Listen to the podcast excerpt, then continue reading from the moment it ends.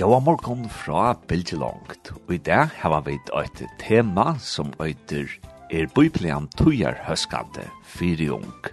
Så heit spennande, så gjer det kong klar at lusta. Velkommen til sendingsna av Bilge Langt i morgon.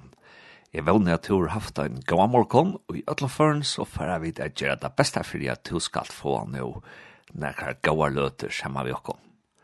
Og i det har vi vidt til temaet som heter er Bibelen tøyerhøskande fyrir ung. Og vi får først at høyre prat vi en som heter Robert Blatt.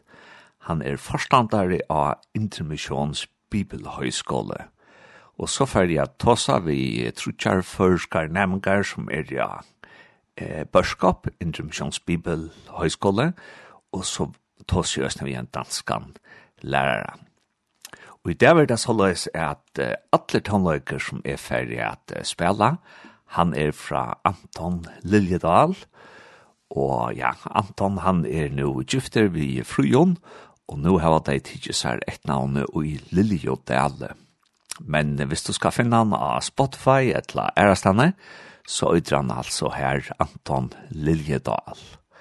Og ja, alle tonløykrene der det vi så vi hånden og Arjen prater vi Robert Blatt, så færre vi at høyre leie til Anton Lillidal og i Æver. Gjør så vel. Musikk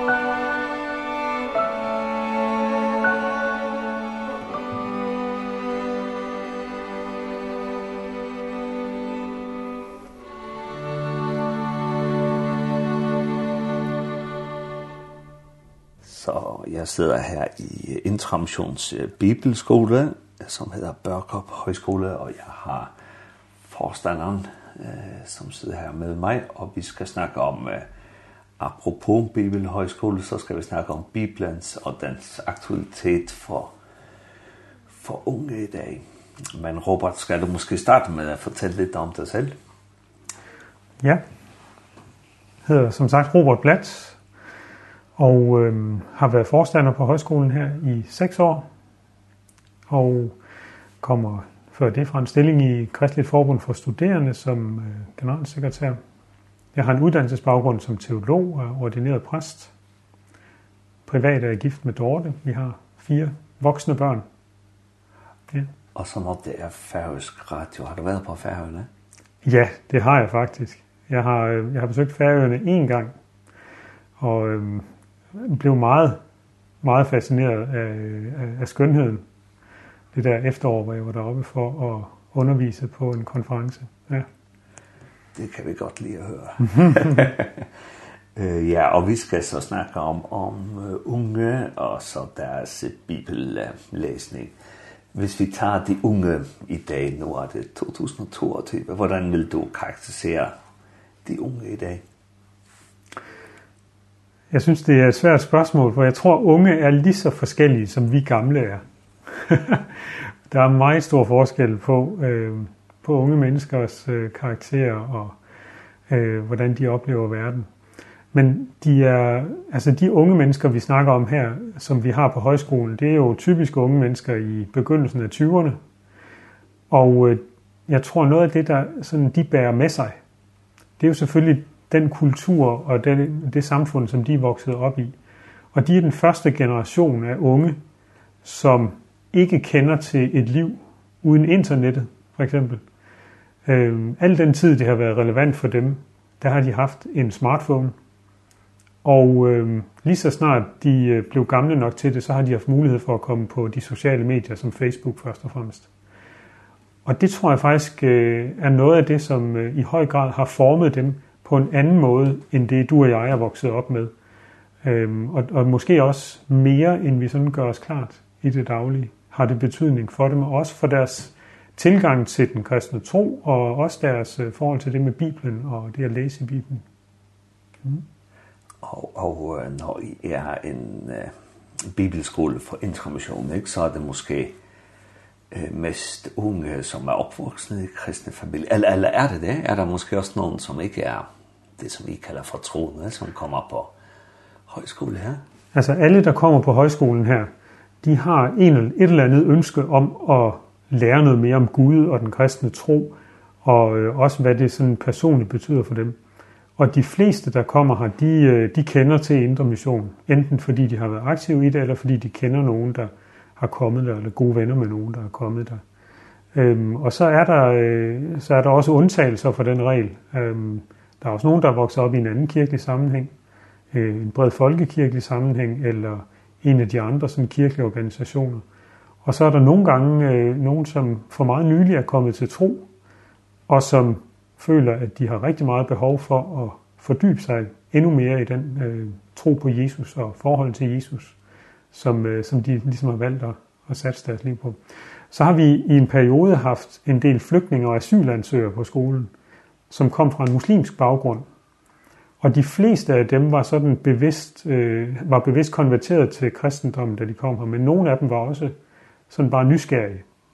Så jeg er nogle gange blevet lidt overrasket over, hvor mangfoldig øh, gruppen af elever faktisk er på, på skolen her, efter jeg er kommet her. Og, og når vi snakker om unge og deres bibellæsning, er unge, som er opvoksne i kristne aktive familier, tror du de er anderledes end, en andre unge i dag? Ja, det, det er de, og det mærker de også selv, at de er anderledes. Det er noget af det, som øh, nogle af dem giver meget sådan, øh, tydeligt udtryk for, når de begynder her. Jeg er her faktisk også, fordi jeg trænger til at være i et fællesskab, hvor det at være kristen, det ikke er noget, jeg sådan hele tiden skal forklare eller stå på mål for. Sådan har nogen oplevet det i gymnasiet. Og det viser jo i sig selv, at de ved, at, at de har nogle andre værdier og øh, en anden tro med sig, end øh, dem de møder i, i deres øh, daglige liv. På uddannelsesinstitutionerne eller på, på en arbejdsplads. Øhm, og så er det også noget af det, som jeg oplever mange af de unge, der kommer her, øh, arbejder rigtig meget med. Øh, hvordan skal den kristne tro komme til udtryk i mit liv? Hvad er det, som øh, jeg godt kan tage ind i mit liv af det, som jeg møder hos mine jævnaldrende. Og hvad er det, jeg på en eller anden måde skal finde en anden vej i, fordi jeg gerne vil øh, have et liv, som afspejler Jesus og efterfølgelsen af ham. Og nu har I så også øh, tit øh, færinger på holdet, og i øjeblikket er der fire, var der det, eller så? Ja, syv faktisk. Syv. Ja. Øh, tror du, de, de kristne unge fra færøerne, er de anderledes end de danske, eller ligner det meget? De færøske unge er jo heldigvis også meget forskellige. Men, men de er helt tydeligt vokset op i et andet samfund end, end, øh, end det danske. Og øh, jeg tror måske også, at det de oplever her, det er, at øh, det er et dansk samfund, som med nogle ting har bevæget sig øh, lidt, lidt hurtigere i udviklingen, end det færøske samfund har. Noget af det som vi arbejder rigtig meget med lige nu, det er faktisk det er faktisk det der med den sproglige eller den skriftlige kultur. Og det der med at øh, at fordybe sig og koncentrere sig, for det tror jeg noget af det som er rigtig meget udfordret i den digitale generation vi sidder med. Man er blevet det der med at man er født med en smartphone i hånden nærmest eller en iPad. Det betyder også noget for den måde man har lært på. Skolerne i Danmark har i mange år haft digitale hjælpemidler og Det betyder, at eleverne har tilegnet sig viden på en helt anden måde, end man gjorde for bare 10-15 år siden, 20 år siden. Og når man så, når man så møder op på en bibelskole og tænker, nu skal vi, nu skal vi læse Bibelen, så vil det være meget mere fremmed for en dansk ung i dag, end det var for 20 år siden. Og der oplever jeg faktisk, at der er en lidt anden øh, ballast med sig, når man kommer øh, i færøerne og vokser op i de kirkelige og samfundsmæssige miljøer der, hvor man både sådan stadigvæk kan koncentrere sig til at øh, lytte i længere tid end øh, en gennemsnitlig dansk ung kan, og også hvor man har øh, mere sådan øh, øh, ja, hvor man, hvor man hvor man nemmere tilegner sig skriftlig øh, skriftlig viden og øh, kan fordybe sig i bibellæsning og sådan noget. Det oplever vi at det er en af de ting vi skal arbejde rigtig meget med. Og der er det faktisk meget spændende.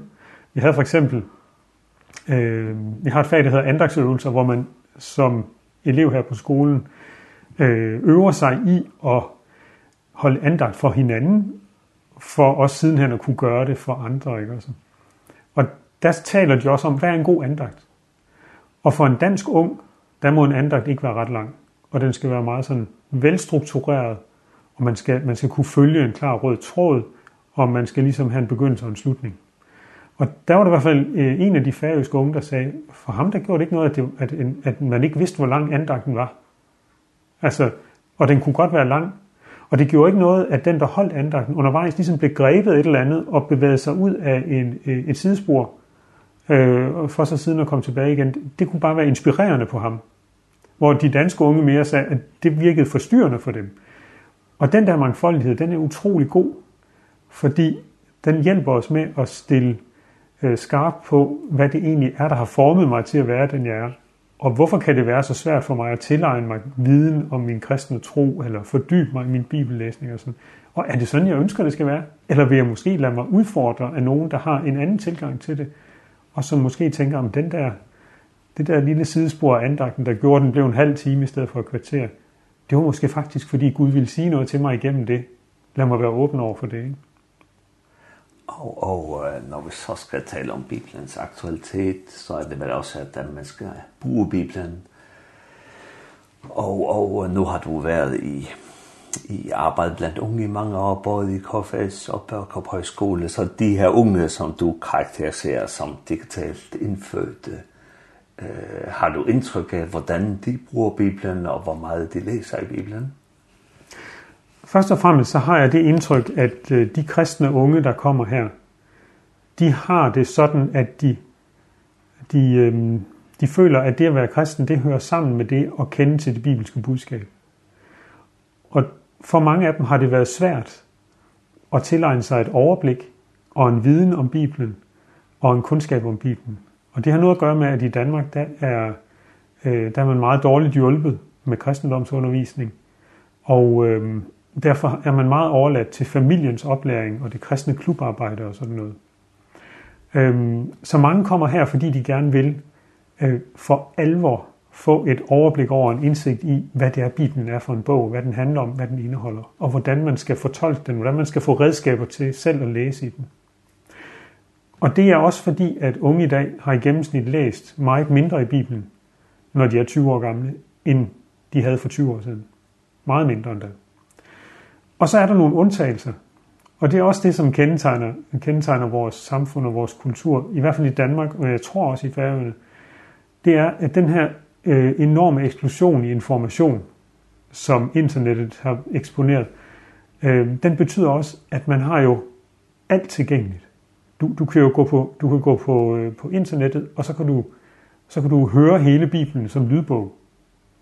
Øh, eller du kan høre podcasts, som gennemgår enormt nørdede ting fra Bibelen, eller du har adgang til opslagsværker og bibelkommentarer og leksikoner i massevis på alle mulige sprog. Og derfor er der også nogle elever, som har brugt alle de her muligheder, og som har en utrolig detaljeret og nørdet viden, som ingen af os havde for 20 år siden. Så, så, det, så, så på den ene side, så tror jeg generelt, at unge i dag har en ret dårlig bibelkundskab. Men der er nogen, fordi der er så mange muligheder, som faktisk øh, har brugt rigtig meget tid på at fordybe sig og sætte sig ind i, hvad Bibelen står for. Så på den måde er der større forskel også i, øh, hvor meget de unge ved om øh, Bibelen og det bibelske budskab. Jeg tænker lidt på, Robert, når du siger, det er som mine ord, eller min fortolkning af det, som du siger, at, at de unge er digitalt indfødt, ikke? Og, mm. og vores generation, vi tænker tit på at sidde med Bibelen ja. øh, som en bog, ikke? Eh, jeg tænker også om om måske vi har flyttet os for langt som for eksempel eh har jeg sådan en bibellæseplan, ikke? Som er på papir. Hmm. Hvor jeg så skal sidde og bladre op, ikke? Altså hvis det, hvis det var andre steder på internettet, så var der et link, du trykkede på linket, så kom du til teksten, ikke? mm. Præcis. så jeg ved heller ikke om, men, men det siger du også selv med, at vi også kan, lytte til Bibelen og Jeg tror jo, at vi skal bruge de muligheder, som åbner sig i den digitale verden, ikke? for at formidle det bibelske budskab. Og samtidig med, så går vi faktisk også lidt den modsatte vej på skolen her. Vi vil faktisk rigtig gerne give eleverne en oplevelse af at sidde med Bibelen i hånden. Når vi har undervisning, så opfordrer vi dem til ikke at tage deres computer eller iPads med, men sidde med en, en logbog, altså et hæfte med blanke sider, og bruge det til at tage noter og lave tegninger og nedfælde kommentarer og alle sådan nogle ting. Fordi der er et eller andet i det der med det fysiske, som gør noget godt for vores hukommelse og vores tilegnelse. Så det er som en meget bevidst del af vores pædagogiske tilgang, kan man sige. Og over det sidder med Bibelen fysisk, altså. Ja. ja. ja. Fordi det der med at lære at slå op i den og sådan noget, det, det kan man ikke på samme måde. Og så sker der det med de, med de internetbaserede ting, at lige præcis det, at man kan klikke på noget, det forstyrrer ens fordybelse og tilegnelse.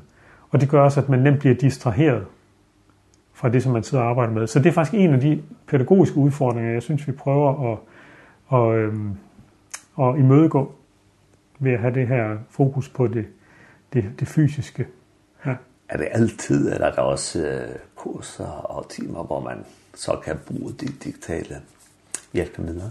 Når de for eksempel øhm, har deres egne projekter, så er der rigtig mange, der søger viden på internettet til dem.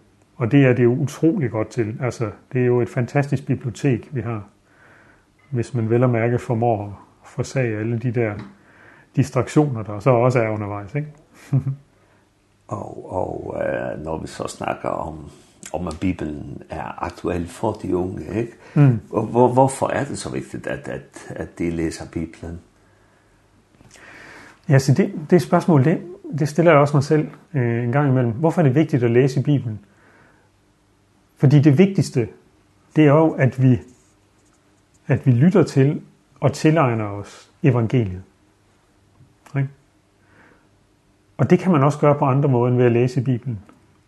Hvis man er en meget flittig kirkegænger eller går til kristne møder, så vil man i møde evangeliet til omvendelse og tro. Og det er jo det vigtigste.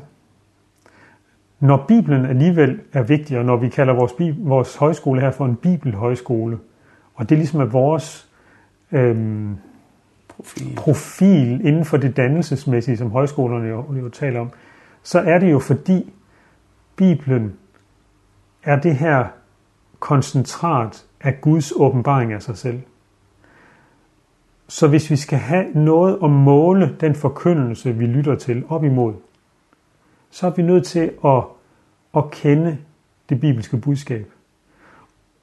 Der, man kan sagtens være kristen uden at være øh, velbevandret i Bibelen, eller uden at være, hvad kan man sige, øh, en, der er meget langt nede i, hvad den kristne tro handler om men man bliver mere robust, hvis man har den her modenhed over sig, som et godt bibelkundskab bærer med sig.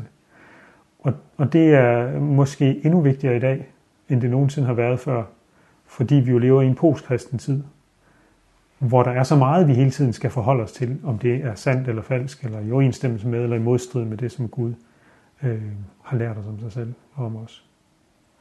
Og, og Bibelen, den er jo altid, at at der er et budskab, som så også møder os personligt, ikke? Og når ja. de unge i dag ligesom skal øh, søge i Bibelen, er, er der noget bestemt, som de ligesom ja, vil have ud af deres bibellæsning? Mm. Her hos os, og der kommer de unge også med en særlig motivation, tror jeg, der er der rigtig mange, der gerne vil have den, den her overordnede ramme og forståelse for både den bibelske historie, og det bibelske budskab. Så man har noget at måle op imod, når man selv læser i Bibelen eller hører kristen forkyndelse. Vi har et par fag, hvor øh, det ene af dem hedder faktisk online teologi. Og online teologi er et fag, som handler om, hvordan vi skal bedømme og vurdere, når vi lytter til podcast eller prædikenserier eller øh, ser YouTube-videoer med amerikanske forkyndere eller hvad det måtte være. Hvordan måler vi øh, det op imod vores kristne tro? Så et meget praktisk fag, som forudsætter en eller anden form for bibelsk basisviden. Nogle grundsten for den kristne tro, som er lagt, og som jeg hele tiden kan referere til. Og når mange elever oplever det som utrolig værdifuldt at have det der grundlæggende ramme at referere til, når man møder alle mulige former for kristen eller ikke-kristen påvirkning og forkyndelse. Ja. Og, og nu har vi jo talt om de her unge, som er digitalt indført, og vi lever i et samfund, som er meget avanceret. Og Bibelen blev skrevet sådan for 2000 til 8000 år siden. Mm. Så hvorfor er det relevant for unge i dag, som tit er dem, der er fremme i tiden? Ikke? Mm. Hvorfor er det nødvendigt for dem at søge jeg ved ikke, visdom eller forståelse for noget, som er så gammelt, og mm. så ja, fremmed faktisk for, for dem. Ja, altså det fremmede Det tror jeg, unge i dag oplever rigtig stærkt. Og det har noget at gøre med, at deres kultur kun bliver mere og mere anderledes end den kultur, vi kender fra Bibelen. Det er det er jo i virkeligheden voldsomt at tænke på, at øh, helt op til 1900, der kunne de fleste mennesker i hele verden jo forholde sig til alle de bibelske fortællinger om landbrug, om fiskeri og om alle de ting, fordi det var også det, man selv gjorde i sin hverdag. Og der er vores hverdag, den har forandret sig milevidt væk fra det. Noget andet det er, at øh, vores sprog udvikler sig ekstremt hurtigt. Og øh, den bibeloversættelse, vi har i Danmark, autoriseret, er fra 1992. For mig er det jo i går, fordi jeg kan jo huske, at den udkom. Men det er det altså ikke for de unge i dag. Den er langt væk fra deres, øh, fra deres sprog og deres forståelse. Så vi bliver nødt til at speede op på bibeloversættelse. Hvorfor er det alligevel relevant? Hvorfor skal vi oversætte Bibelen på ny og øh, på, på nye sprog, eller hvad kan man sige, i nye sprogtoner og sådan noget? Det skal vi blandt andet på grund af et behov, jeg mærker hos de unge. For dem er det mere end nogensinde op til dem selv at finde ud af, hvem de er. Den her identitetsdannelse, som var naturlig, den er i opbrud på alle mulige måder. Kønsmæssigt, det er noget af det helt hotte lige nu. Ikke? Altså, hvem er jeg som køn? Det, det er ikke noget, der er selv øh, indlysende. Øh, hvem er jeg i forhold til øh, min, min, øh, altså min livsforståelse? Øh, hvad skal jeg være? Hvad skal jeg bruge mit liv på? Hvad er meningen med livet her? Alle de der helt grundlæggende ting, som er med til at danne os som mennesker. Der skifter vores tids fortælling om, hvad der er det rigtige. Den skifter simpelthen hurtigere, end man næsten kan blinke med øjet. Og rigtig mange har den der længsel efter at få en mere grundfast klippe at stå på som menneske. Og den finder de i Bibelen, fordi der er vores identitet ikke forankret i mine egne følelser eller min egen erfaring, den er forankret i Gud, i noget, som ikke forandrer sig. Og det er den Gud, de møder i Bibelen. Det er den identitet, de kan finde i Bibelen. Og de finder også ud af, ved at arbejde med sig selv og hvem de selv er, når de arbejder med det bibelske budskab, at det er ikke dem, der er i centrum. Så når de har fundet deres identitet, så skal de faktisk give slip på den igen og sige, jeg er den, jeg er. Men det er vigtigere nu, at Gud er den, han er. Og at han Ikke bare har fortalt mig, hvem jeg er, men også har fortalt mig, at han skal nok bære mig igennem livet og igennem døden og ind i evigheden. Og, og den opdagelse, den gør de ikke med mindre de har en bog som Bibelen, eller et budskab som det bibelske, og tør sige, det er det her, jeg, jeg bærer, det er det her, det er det her, der bærer mit liv. Det er ikke mig selv, der bærer mit liv. Så Bibelen er sådan det konkrete udtryk for, at Gud, som er uden for mig, det er ham, jeg kan hvile mit liv på. Mm. Uh, ja, og uh, så du har argumenteret godt for, at Bibelen er aktuel for unge i dag, både til at uh, finde sig selv og miste sig selv måske. Mm. øh, så, så, så hvis vi så snakker om, at de unge også har svært ved at, uh, at bruge Bibelen, ikke? har du nogle ressourcer, som man kan ligesom anvende til unge for at hjælpe dem lidt på vejen? Mm. Jeg tror, øh, at det handler rigtig meget om motivation. Og jeg tror, at det bedste, det bedste man gør, det er at tage på bibelskole selvfølgelig. og der findes flere bibelskoler. Ja, det gør der nemlig. Men det er det bedste, man kan give sig selv. Og så tror jeg, at noget af det, der er rigtig vigtigt for vores ungdomsgeneration, det er, at det med at læse i Bibelen er ikke noget, man er alene om, men det er noget, man gør sammen. Jeg tror tit, vi i, i vores generation forestiller os, at bibellæsning det er noget, som foregår i mit lønkammer. Øhm, og, og så sidder jeg der med bogen. Og det er det jo også. Men jeg tror for unge i dag er det vigtigt, at det er vigtigere, end det har været tidligere, at jeg kan gøre det sammen med nogen. Og det kan være, at man er to og to, der aftaler med hinanden. Skal vi ikke støtte hinanden og hjælpe hinanden med at få læst i Bibelen? Og så mødes vi og aftaler, hvornår og hvordan vi gør det. Eller at man har de her bibelstudiegrupper, som rent faktisk kommer til at handle om Bibelen.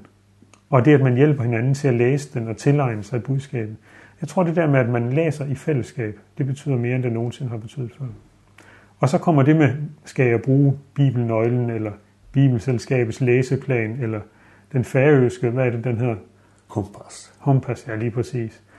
Øhm, det kommer i anden række, fordi dem kan man jo helt klart bruge, også når man er to eller flere.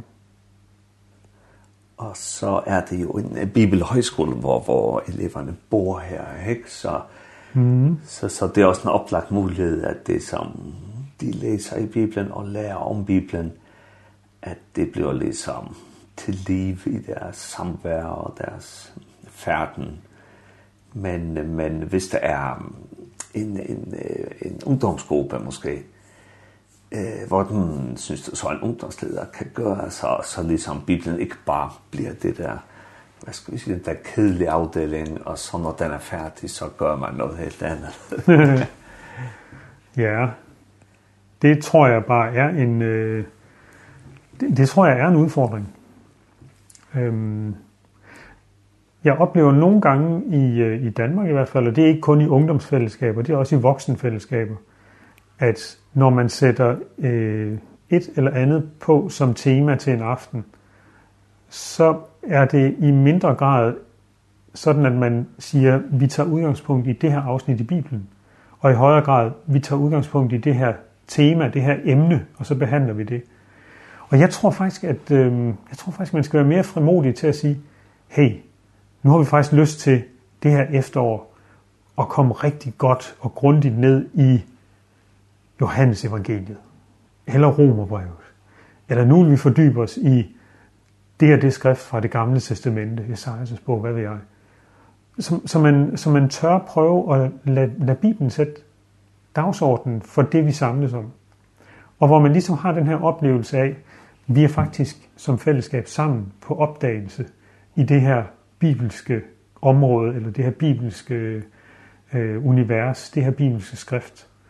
Øh, jeg tror meget, det handler om, at man, at man lancerer det på en måde, som man viser, at man tror på, at Bibelen er en særlig bog, som har en særlig betydning for os, og derfor vil vi også give den en særlig plads i vores fællesskab. Ehm så vil det ikke bare blive det der øh, kedelige, vi skal overstå for at komme videre til det næste. Fordi hvis man har den tilgang, så kommer man nemt til at skrue ambitionsniveauet ned for, hvad det er, man gerne vil øh, have skal være det indholdsmæssige øh, fyldige i den her aften. Ikke? Så tänker jeg at uh, at det at læse, i Bibelen, det kan jeg i hvert fald selv. Det, det kan nogle gange liksom føles som en pligt, og det bliver sådan mm. lidt kedeligt, og så stopper man med det i nogle uger, ikke?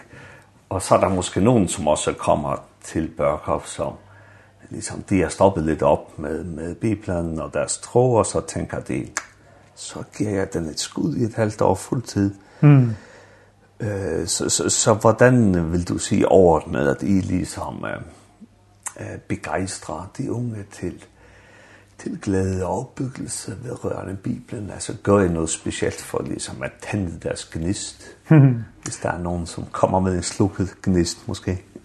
Ja, det gør vi. Øhm, vi, vi har faktisk på vores øh, forårskurser, der har, vi, øh, der har vi lagt øh, tre kvarter ind i øh, undervisningsplanen som hedder bibellæsning. Vi kalder det E100, og det er fordi vi har lavet os inspirere af et materiale, som Bibellæseringen i Danmark har udgivet, hvor de har øh, fundet de 100, de kalder dem vigtigste tekster i Bibelen, eller i hvert fald 100 centrale afsnit i Bibelen, som når man læser dem, så får man ligesom den sammenhængende beret, bibelske beretning fra 1. Mosebog til Johannes' åbenbaring. Og de 100 tekster, dem læser de igennem øh, i løbet af et forår. Og der prøver vi at tage højde for de her udfordringer, som nogle elever oplever med det her med at sidde med Bibelen. Så man har mulighed for at sidde for sig selv, eller man kan sidde sammen med en, hvor man kan læse op for hinanden, eller man kan sidde sammen med en, hvor man læser hver for sig, og så kan man snakke om det, man har læst. Eller man kan sætte sig ind i et lokale, så sidder læreren eller en anden og læser afsnittet op. Og så koncentrerer man sig om bare at lytte og måske tage notater undervejs. Så sådan et bibellæsningsfag Og det, som er så, så fint ved det, det er, at når så vi har de andre undervisningsforløb i det gamle testamente, eller i et af evangelierne eller noget, så sker det så tit, at eleverne siger, det var jo lige præcis det der, vi læste om den anden dag. Det var lige ind i den sammenhæng i Bibelen, at det der kom. Og pludselig så går det op for dem, hvad det er, der ligesom binder den bibelske historie og beretning sammen, og forstår pludselig nogle udsagn fra Jesus i en helt anden øh, sammenhæng.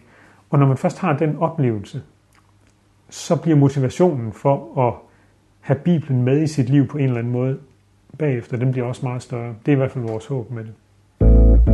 Jeg tror at det er mig Men glæden har været består bil Verdens fritja mig Ud i mundelån her med omgang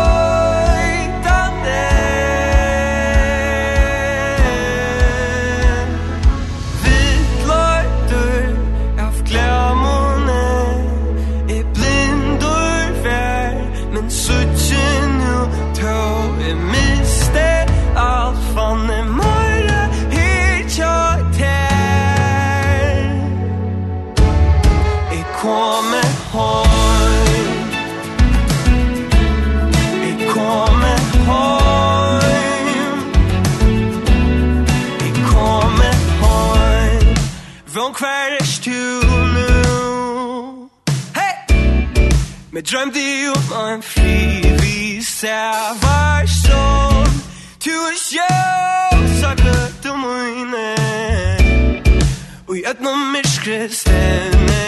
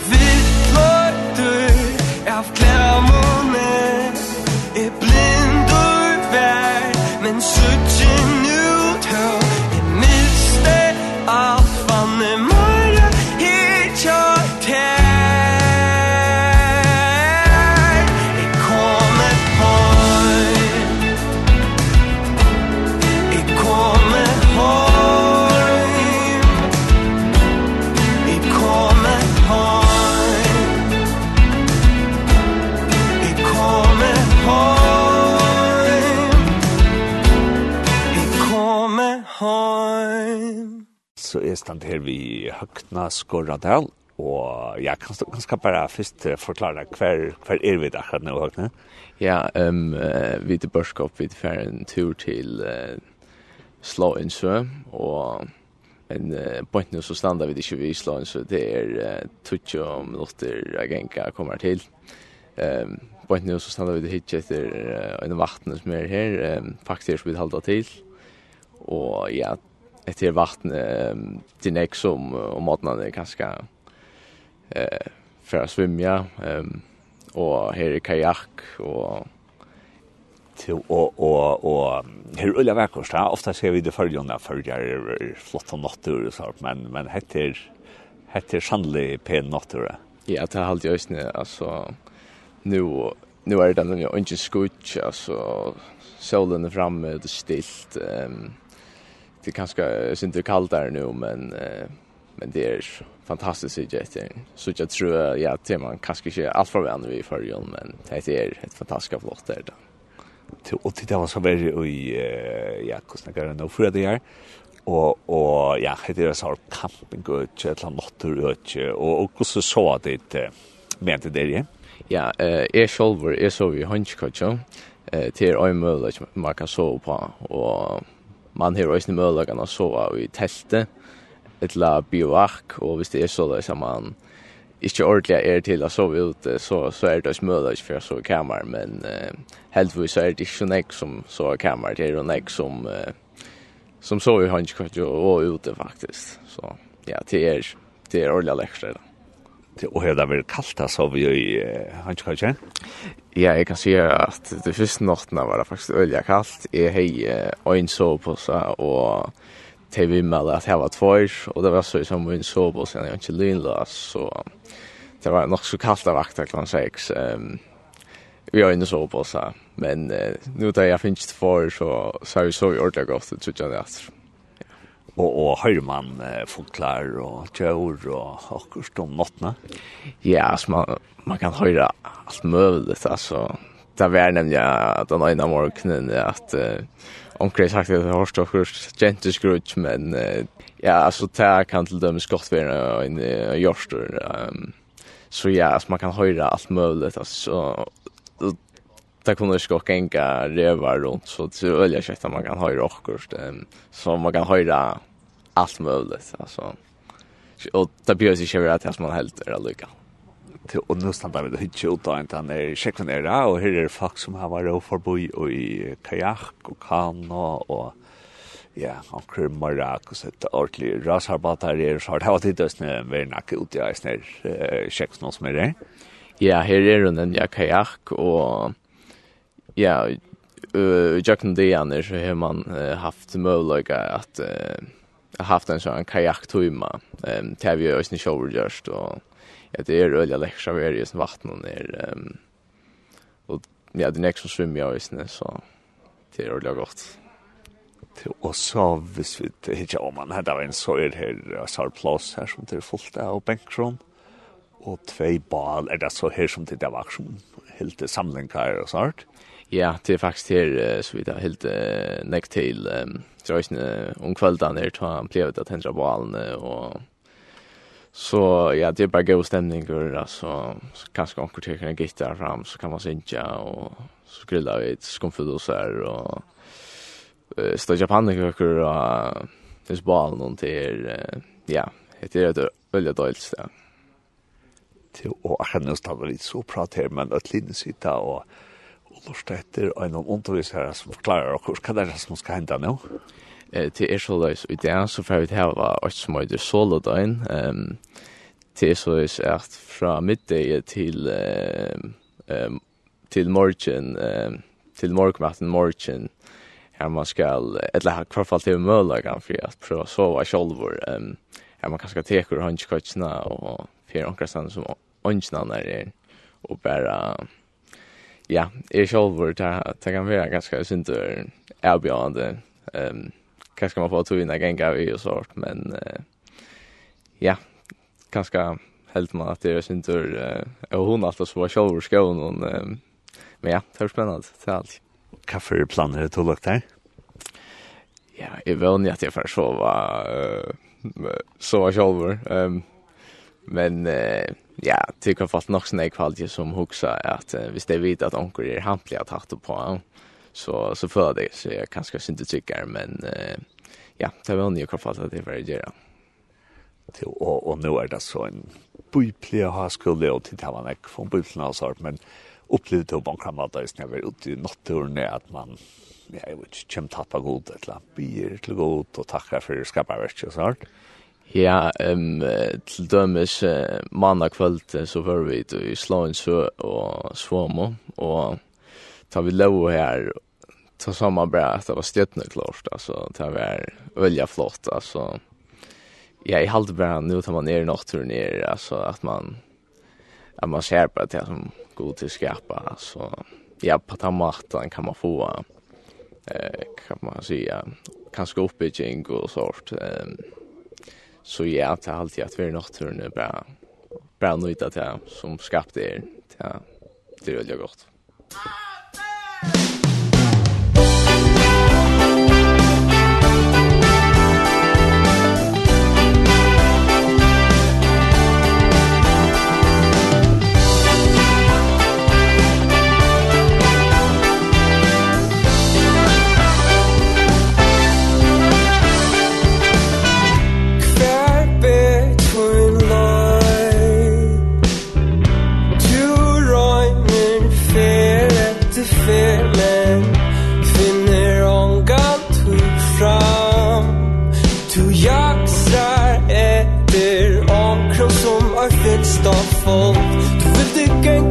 størst fjatt Og kia iver land og hev Øveren hålla åpen fire tær.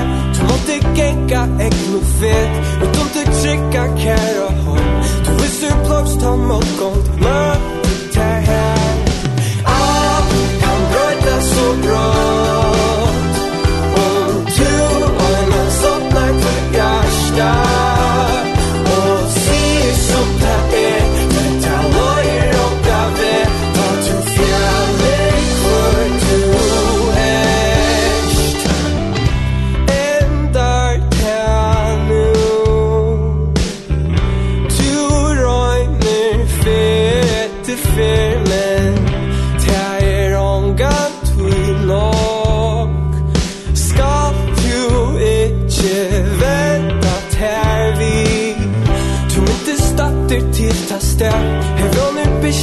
fyrir tær.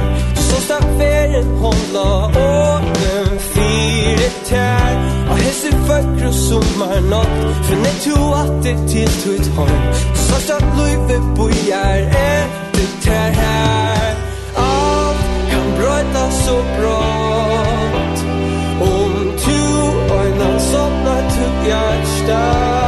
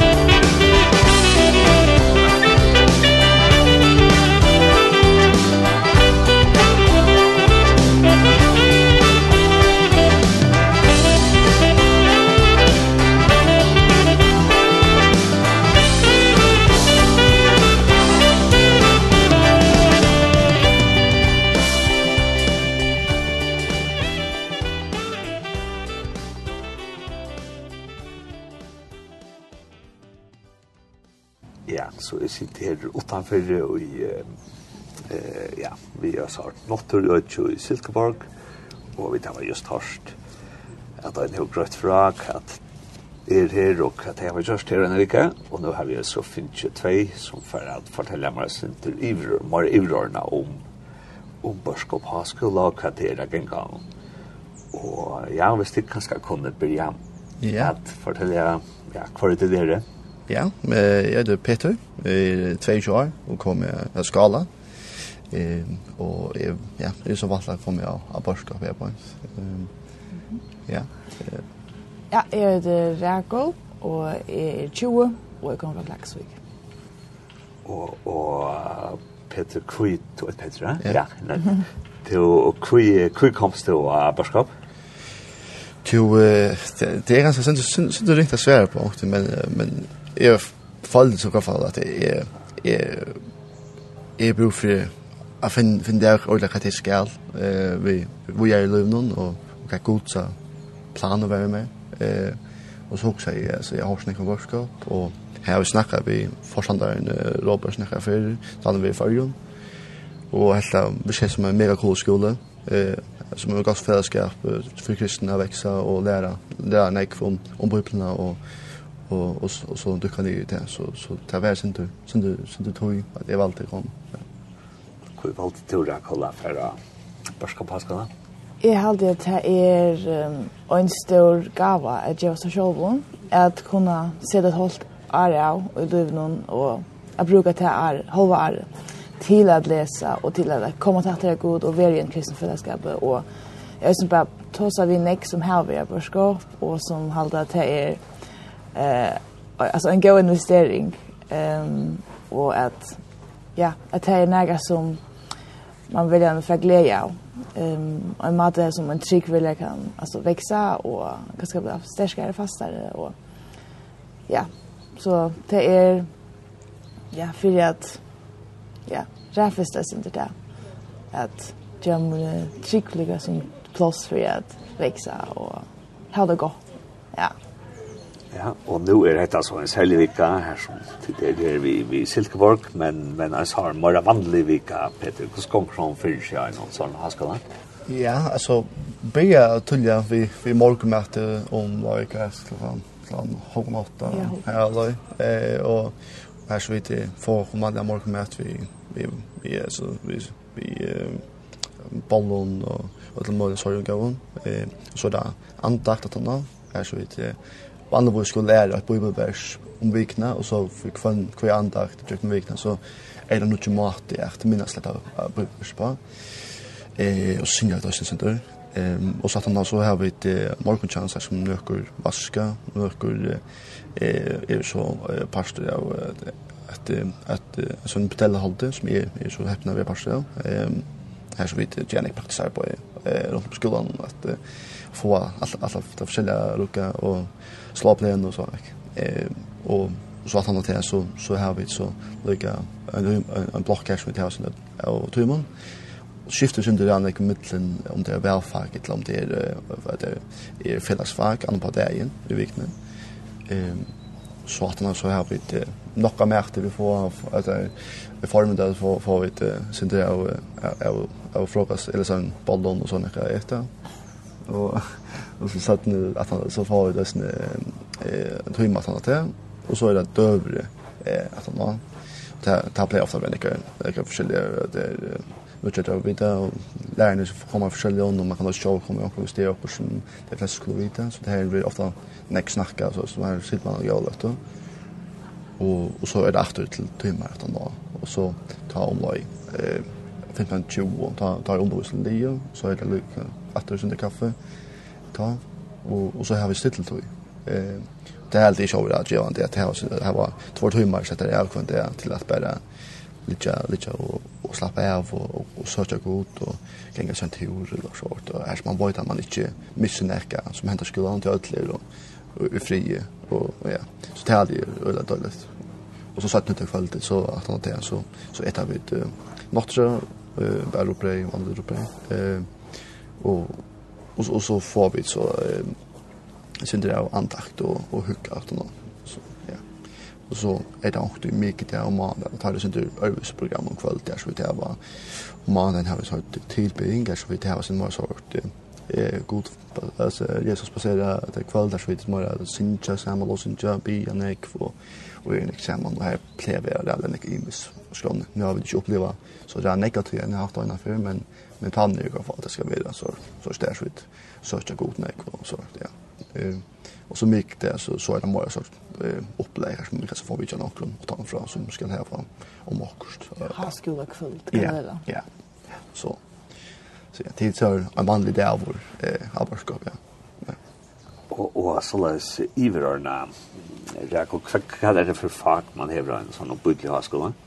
Ja, det er sånn at det er dølt opp i fyra modul, uh, det er altså fyra imisk, um, imisk skoj, um, som vi har imisk fag i seg, og på nå er vi så ute i fyrsta modul nå. Det er altså at nå har vi altså alt sammen har vært romverja brev, um, her som vi tjøkken tjøkkengeringa, alt, um, no, rymliga grunn igjen, uh, og så har vi det troarlære, og som heter identitet, um, og det er sånn fag som alt har vært. Um, og så har vi også haft om Louis Vuitton og tals, ja. Det er innholdet vi har haft sånn om døp og sånn om bibelesene. Og så er det annars, kan man välja fag, og det er, Alltså det är inte som man velger en linje, men det är lika väl trojamiska linjer som man kan välja fag utifrån. Så man kan välja fag som är uh, ehm Um, här är uh, allt möjligt. Man kan välja i och man kan spela lära sig spela gitarr och man kan spela spela låsang samman. Och så är det en kreativ linje här som man helt har arbetat med vid löjr. Löjr hesa vikna, eller heter moduler. Och har också varit sort skapa ut i naturen, kallar det det. Så jag var ordentligt att jag innebär, men Ehm um, ja, jag hade helt för det att vara ute i naturen och det var funnit också att evna till och listaverk. Ehm um, och så är det också det här outdoor som det kallar det utløyv um, at man kan få mountain bikes, eller man kan välja at um, klatre i trøvum, um, og at rekva kajak, um, og at man så der til, så kan man så välja vi sunner av. Eh ja, så man bestämmer sin själv vad det är man vill här. Man kan gå blanda till sin samman. Och så har jag sett sött nu och i håll nu. Nu säger jag nu har vi rum bra, ja. Så jag var ju det kat är vi får så men här är det ett möjligt andra fag som färra komma. Ja. Så att och så sjön det här vi sagt bibelsk fag i ösne välfag. Man kan välja träd. Som til dömes uh, Johannesbrøvene har vi haft og vi har ösne eller det har vi haft och så har vi haft bibelsk bibelsk visdom. Då så de årtøtsene og så där och ja, man kan også velge uppenbäringarna och forskjellige sånne her bibelsk fag. Ja kan man også velge. Og, og som du sier, hvis det er vel, velfakt må det være det handtallige og outdoor og, og tannløg, ja. ja. Er det akkurat som man vil røyte og hevde et halvt år, eller kan man også skifte i midtelen disse modulene, vet du? Det er nok så imest hadde jeg antall katt for fag det, men anker fag være i tve modul, ut av fyra, og anker, men de fleste fagene, velfagene, vel, altså være bare i et modul, til å si fyra viker. Ja, så man hever til fyra for henne. Og hva er det du valgt av oss her? Jeg har valgt mest bibelsk fag, og så øyne sindra tøvnløkelig fag. Alltid åkt kreativt utover til nesten. Ja. Hva er det du valgt av det? Jo, ja, det er jo mer på det øyne øyne på Bibels, det var ganske sin mest det, det er det som jeg var mest vant på at, at få. Eh, og så, så resten var bare sånn død, vi følte ikke nær negativt som mye, så det er ikke interessant for meg ganske, men, men så er det sin blanding av at jeg øyne, men ganske mest, eh, eh, hva vet jeg, kreativt og sånn, ja, ja. Så, Så ja, jag hade fast det fullhandsliga och här har vi til dömes och sånn som andras rörelser och sådana som er alltid spennende. Ja, å lære hvordan man, hvordan man är en andakt og hva det innebærer, og, og hur kan man ha en andakt om och allt sådant. Så det, ja, det er är det er alle steder som er alltid er mest spennende i hvert fall. Og, og hvordan ser det at att komma som följning til Danmark och en sånn haskala? Alltså är alltid alltså ordentligt gott. Eh är syndus alltså jag var syndus när det visste bara är och och en annan smyr som Daniel eh, som känner för skala vad eh jag visste bara han skulle för först.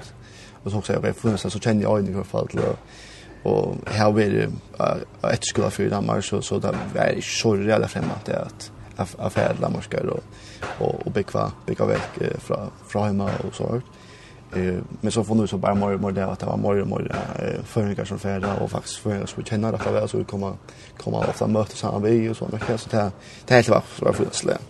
Så så ja, vi ändar vi var tjej och det här alltid. vi rör det här västra kanske inte gruppera och såna grejer och vara era parter och det så kan komma känna till så där men jag har aldrig synd sig inte att det här var synd backland så så så där kan vissa så så Det kommer til alt praktiska og och jag har snett jag vet inte eh färra hem i vikskifte och sånt så så är det dåligt här omkring vad samma vi om att ta. Och och färra hin i hem då vet du i vikskifte. Det är nöke vikskifte och lagt här som är som skolan här som hemresa vik, eller så snäs man kallar det som det kallar det. Är som de flesta skolor faktiskt. är skolan man kan så inte alltid vara skolan hvis man vill men men tar det inte så att märkt över eh eller program eller så vi vi har lagt det vi och det lagt ut som det nu mer vid det här point. Eh att några seniorer i rakan nu skolan och och loja till och och lära ju sporter ja. Jag tog ju på där så skolan här har för dem ehm och och tar ska vi så så det vidare ska vi ta ju snäcka är såna affärer och och det är alltid fast ja alltså så så tar ta på man sen du jag kan se vi sen du för när vi var så vart men allt tar vi det så näck så fast det är hyggligt och ja, vi får låta bruka, bruka skolan så vill jag och vi tar vägen till det första rummet och ja, kunna passa på showen också väl. Hur står man här där kan det vara? Eh, och har skola i Danmark. Ja, jag har det det ordentligt hyggligt. Ehm, och sen att det inte är eller att det är synd bort från ju det är synd när jag nåt. Det har det är eller gott, men så samtidigt är man är snägg för en gång så är det ordentligt hyggligt att det är lugnt och hemligt i det. Ehm så det halde jag är ja, och det spännande är ju att ta så vid danskare till att man finner det av att dansk danskommentan och försmentan är faktiskt inte så ont som man åkte helt eller som jag det av också om era. Ehm så det är ju spännande att ehm att jag faktiskt lär mig några mentan eh för det har man logik nog snack och ja att få ösen till att lära några folk att känna som inte ehm som man inte ser för inte mött för eh och som kommer från en annan land än Turkish. Det hade jag sett. Det hade jag sett spännande. Och så spred jag in till Orkon och halda kanske vi lever sin mer primitivt än vi gör det och det och spela med cykler för jag för skola och så det. Så jag hade är till charmerande och ja, det är lärorikt på en skola. Till och helt till till mundra action. Ta man danske unge tryggvande och så till kom förske. Ehm ja, det hade jag faktiskt Ehm lärare har vant i ta om till att föringar ofta ehm um, som kommer börskap ofta ger den nek andaligt till till fällskapen. Ehm um, till några som en ägglöng som en lärare kom vi eh, fortalt mig. Ehm um, och annars alltid det att Det var inte några jag lagt mest till, men jag hade att danskar kanske är uh, sin mora, alltså vi får en ganska små konservativ på några måta, än jag har någon ögon och Ehm um, men nu är vi då i Jylland som ofta kanske tillhör jag vill sin mer konservativt än är fast av Danmark så kanske är det inte så nära mona lika va. Men jag hade lika väl att ehm um, att hej jo här är det lika mona hade jag också för en god danskare. Det hade jag. Og en parst av er av Haskola Peter til ofte man fikk kanskje østen i omkring utenlandsferie og sarskoletid, det. Ja, vi har fast en spennende tur, ta først i oktober oktobermåneden, og vi skal til Ursel en tur.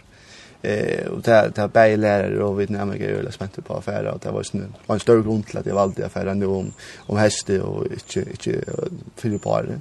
Eh, det det är absolut en tur som mamma för. Jag var så helt att jag vet där för eh i Jerusalem sälja eh så så det är en stor upplevelse affär så där och så jag det är här som här som Jesus så att det bibliska personer här inte och eller sätta ej av och och ha en mynd där och gust över och och sätta tingen sin mer och sin perspektiv och så ja. Og, og er det så å si at det alltid er en tur til Israel om heste, og så er det några stanna om bara eller er det ibland kanske. Planen jag de er alltid affär lust. Jag nu heter jag inte preka sen det vi corona och jag vet att det det var då för några år siden i förrjun og sån eh og de har vært alltid Kristkaland. Kristkaland, ja. Ja, så så det där där sånt alltså idén i alla fall man får till Lus eller om häste och så så hör man en översetur om om var det som man har ja, jag får faktisk ikke klar over. Jeg har man fer til Afrika. Afrika, ja. Ja, det var ikke ordentlig hver, men angstens i Afrika. Ja, så, så ja. Ja, jeg får så takka deg for meg et leit til sørst jeg vet om om tid kanskje jeg har akkurat hver skjær akkurat antallet som tid jeg finner ikke det kan godt bare være akkurat som akkurat vitan om akkurat så ubrytende etter kristendommen som tid tenkte jeg, det var godt med jeg har lært her. Eller det kan også være at, at, at Jeg gode måtte komme i kjøkkenen og plantakt, et eller annet i kjøkkenen og kost. Eh, tid det var så verre, oi, er det da, tror jeg, fyrre vikker, ja? Ja. Ja. Eh, helt en agar jeg kaller, et eller annet pettefisk, kanskje? Ja, altså, jeg er oppe, ja. Ja, sen sen du så en lögn så va men men vi har haft som jag Jakobs nämnde sen du är det att vi har haft timmar om om dop och och og akkurat har jeg det haft det, det er ting som jeg ikke overlever av sin drink, for at akkurat skiljer hvert og hvordan, og og hva er hva for mynd man ordentlig skal ha, hava døpen og hva det ordentlig betyr, og, og for meg som føring, jeg har sjåan den personlige fressen ofte haft rett og slett større tøytning i mån til døpen her som Så man hikker til bøypen, så er det at jeg skal også reelle tøtninger mye i døpen. Så vi har haft en undervisning på en nekve tjekkat och fram og prat om forskjelligt babylärare og vi kvann annan og, og så hadde vi et nu korsan i en timme som eh, som jeg är fallt ordla att eh, jag smötte mig her og til at uh, knappt att jeg sitter nere og, og, og lærer seg meg som er David han han pratar og forskjelligt och och alltså allt man sagt du altså du har stor berg Lukas och du som jeg har vi helt i åren og så spolar det till nu så og Men også når jeg skiljer det hva han, han snakker om, og, og knappt så sitter jeg bare som, som, som en sånn kres om, om Hattijon, at han bare lys og donk, Det er unga det opplevd, like, sorry, for jeg blir ikke rundt om meg, og om noen andre ser det, om noen andre, altså, heller, altså, ser løy ut, og, og, og ja, så snakker jeg så at han var trymme, han lykker vi han om det, og han, han helt absolutt at det var, det var nekka som, som, som Jesus søndag snakka vi med meg, noen at kanskje han, det, det var som på en måte så atan for han, som at Jesus kanskje søndag atan for det som han sier, og så, og, så satt han så, det er timme lever, så kan ikke lage iver kammer, og så av vi iver at, så, så flyr han tikva bant forbi høtja meg, og sett seg en krav bant for hygge for meg, og da hoksa jeg, ok, hvor skal det være en tikva, da kan det var snakk om det oppe, så, Så ja, så och om det är Jesus det där void i skimma det ska inte men till kraft att han tar för sin effekt. effekt fick sån som rå i kroppen och i vår i vår att det händer och där finns så kom till att det var var all hej nu det är så långt så jag krym och fallt och mer och det så att det är ganska är också man vill ha ska ta in det så vi vill sagt det på tuman och så vart. Så det är i alla fall en en upplevelse som sen du stärker efter jag mer på nu tror jag ja. Ja. Det er to två år som på kan man ta trolar, det är lag som det talar till det. Jag hade nog strängt där kommer vi eh och innan så eller så men jag hade alltså från att vet det finns ju öliga undervisning eh som vi där gå och ha näck för näck vi gå andakter och Jag husker sälja mig till Fadji vi har haft om uh, Johannesbrövna. Jag helt det var spännande att jökningen gick hej. Um, och vi tog sig, fick nog snakka avhörda diskussioner om att det är att alltså man ska vara så att han som känner det var ett känner sig inte känner sig god och förskäl så där. Ehm han som är i hemmen känner sig god han som inte älskar känner sig god han som och alltså så han känner sån här ting som ehm är sin det paradoxal ganska. Alltså vi där pratar den en och arbetar vi och det är helt väldigt spännande. Ehm att jag arbetar vi och sen till att vi att lärarna och sen är det att man skola tog ehm om kvällarna onkel lärare och ta att man kan snacka vidare här alltså just ni väldigt öligt gevande ehm så till döms ja ta pet snacka om vi där snacka om det upp det var också en öliga gå och läng diskussion där så vi så ut ut ju alltså ut ju förgärn eller förgärn ut ju gärn och när utanför här så vi äta såg vi här och pratade uh, vi en lärare som så åtta för hög klockan tutje men det gjorde han inte. Ehm um, och ta sig om dop och imskar meningar och att man hade såna här samtal där vi det gevande. Ehm här som man höjer meningar från Michael Imskon och här en lärare i Ösn är det att liksom ett hoa tränar, tränar efter till biblarna och så här har alltid att ja, jeg gleder meg til nekva sånne her um, samtaler og snø bare framiver. Ja, jeg halte det.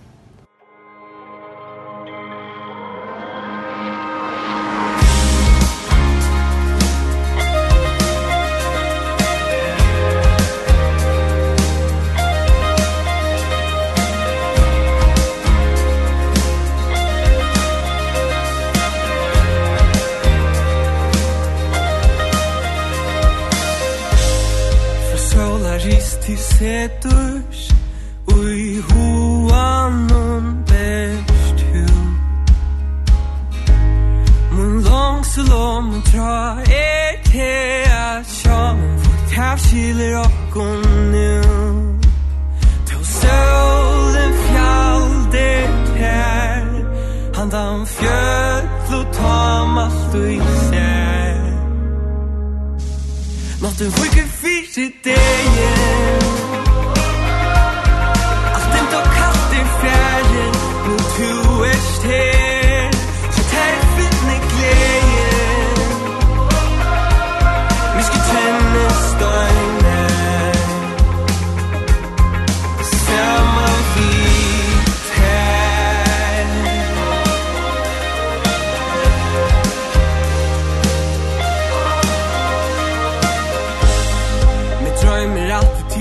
Ötür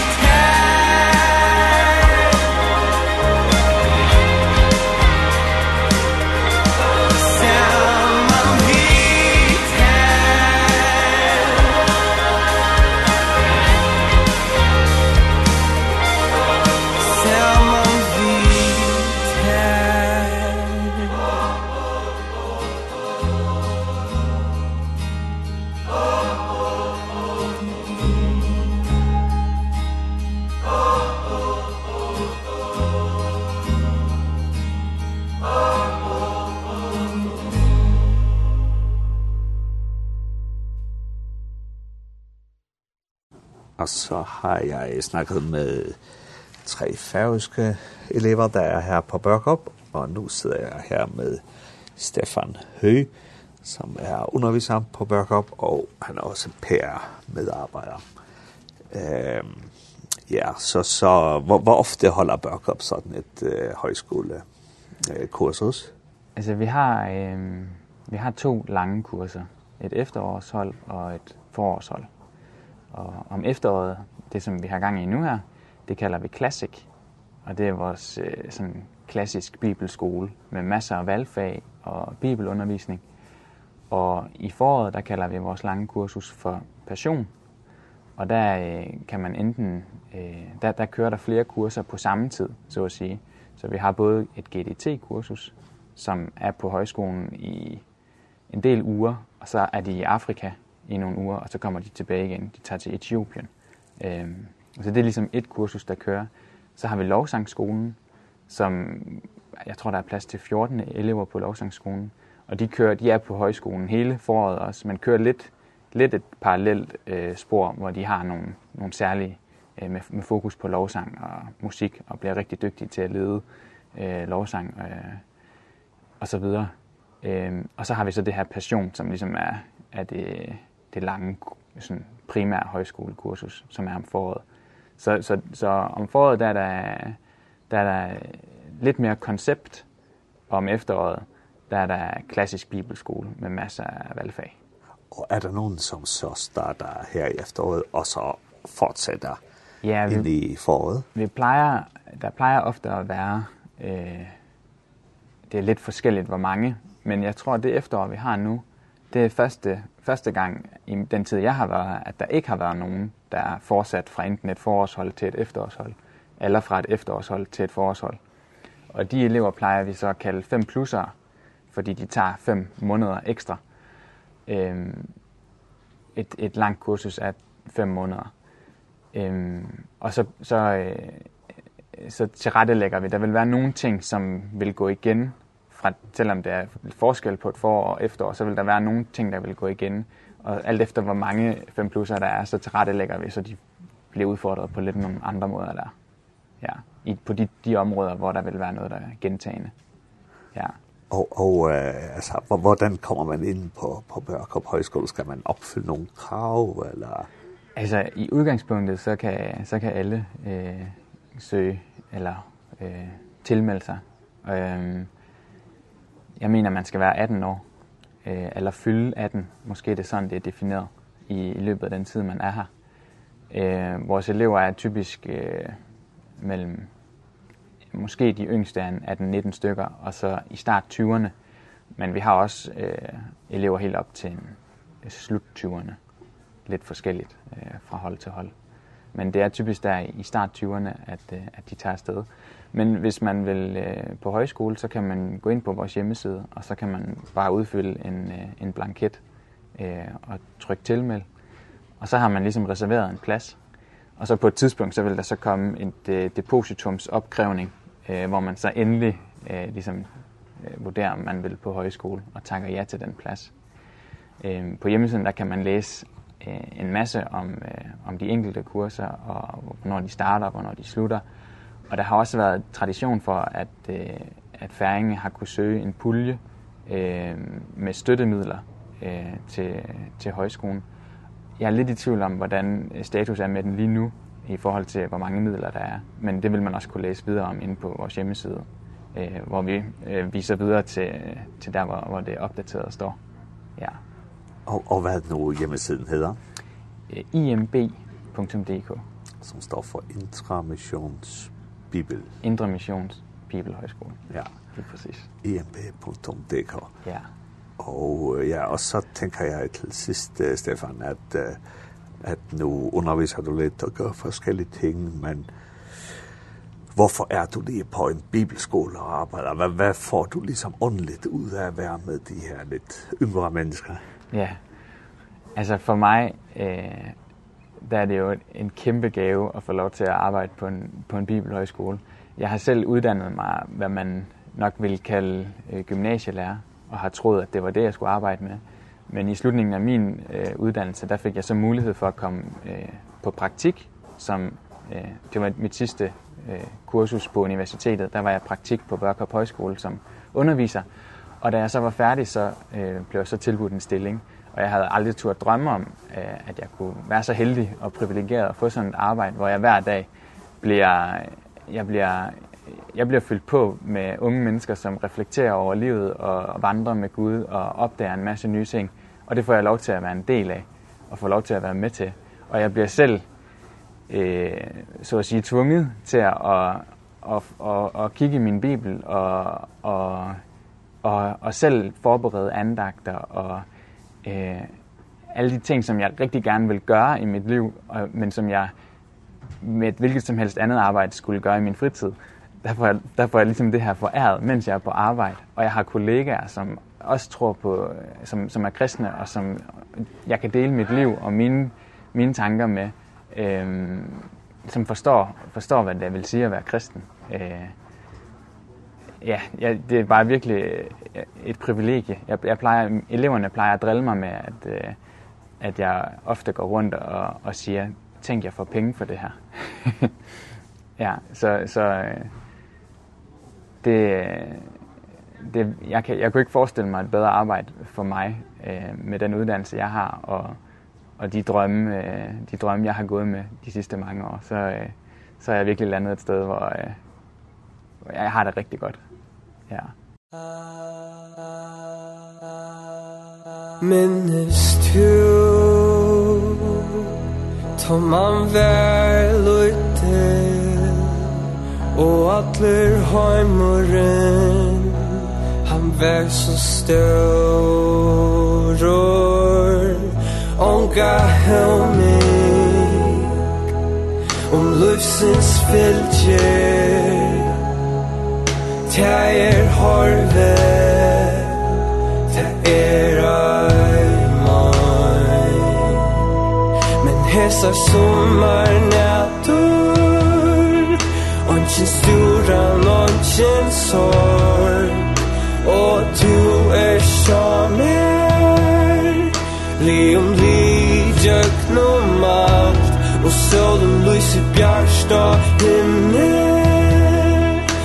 Så vånen djupt og i mer Så liv löjve här och nu Vikter och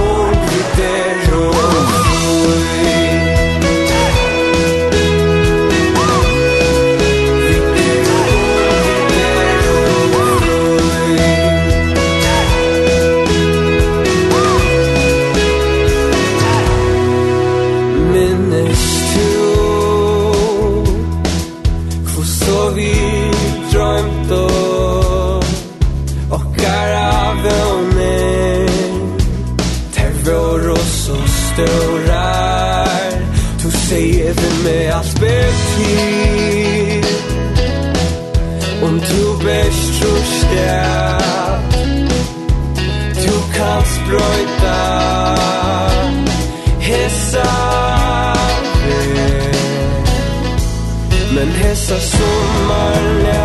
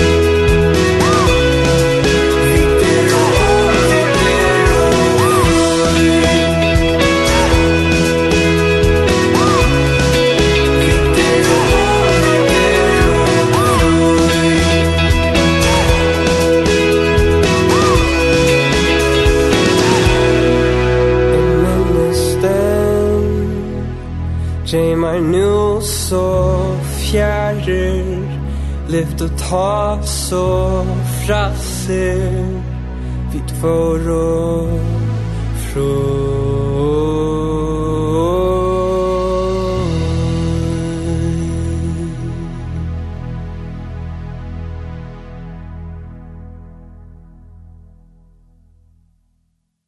Her hørte vi et leie sommernæter, og det var vi Anton Liljedal.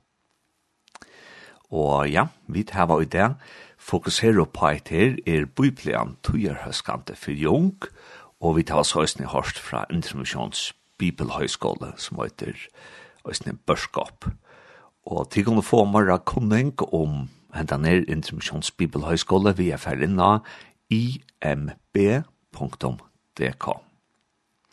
Og ja, annars så vil jeg bare takke at jeg kom fyrir at til var vi og kom av bildslångt her i morgon. Henda sendingen vil enda sende kvöld klokka 19.30 og i natt klokka 4 og eisne kommande leierdag.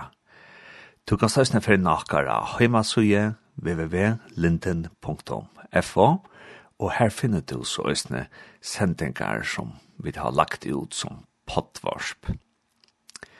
Og ja, og hvis du lurer etter pottvarsp, så kan du eisne til dømes løyta av Spotify, og til å bare etter ordnån bildtje langt, b 17 i L, og så bildtje langt, ja.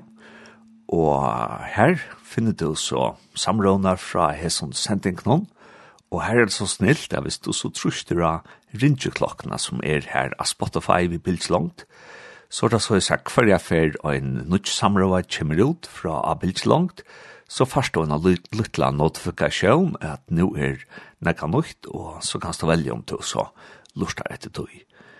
Så gjør jeg egentlig at jeg har til lust etter potvarsp, men annars så ønsker jeg det kan bare en det.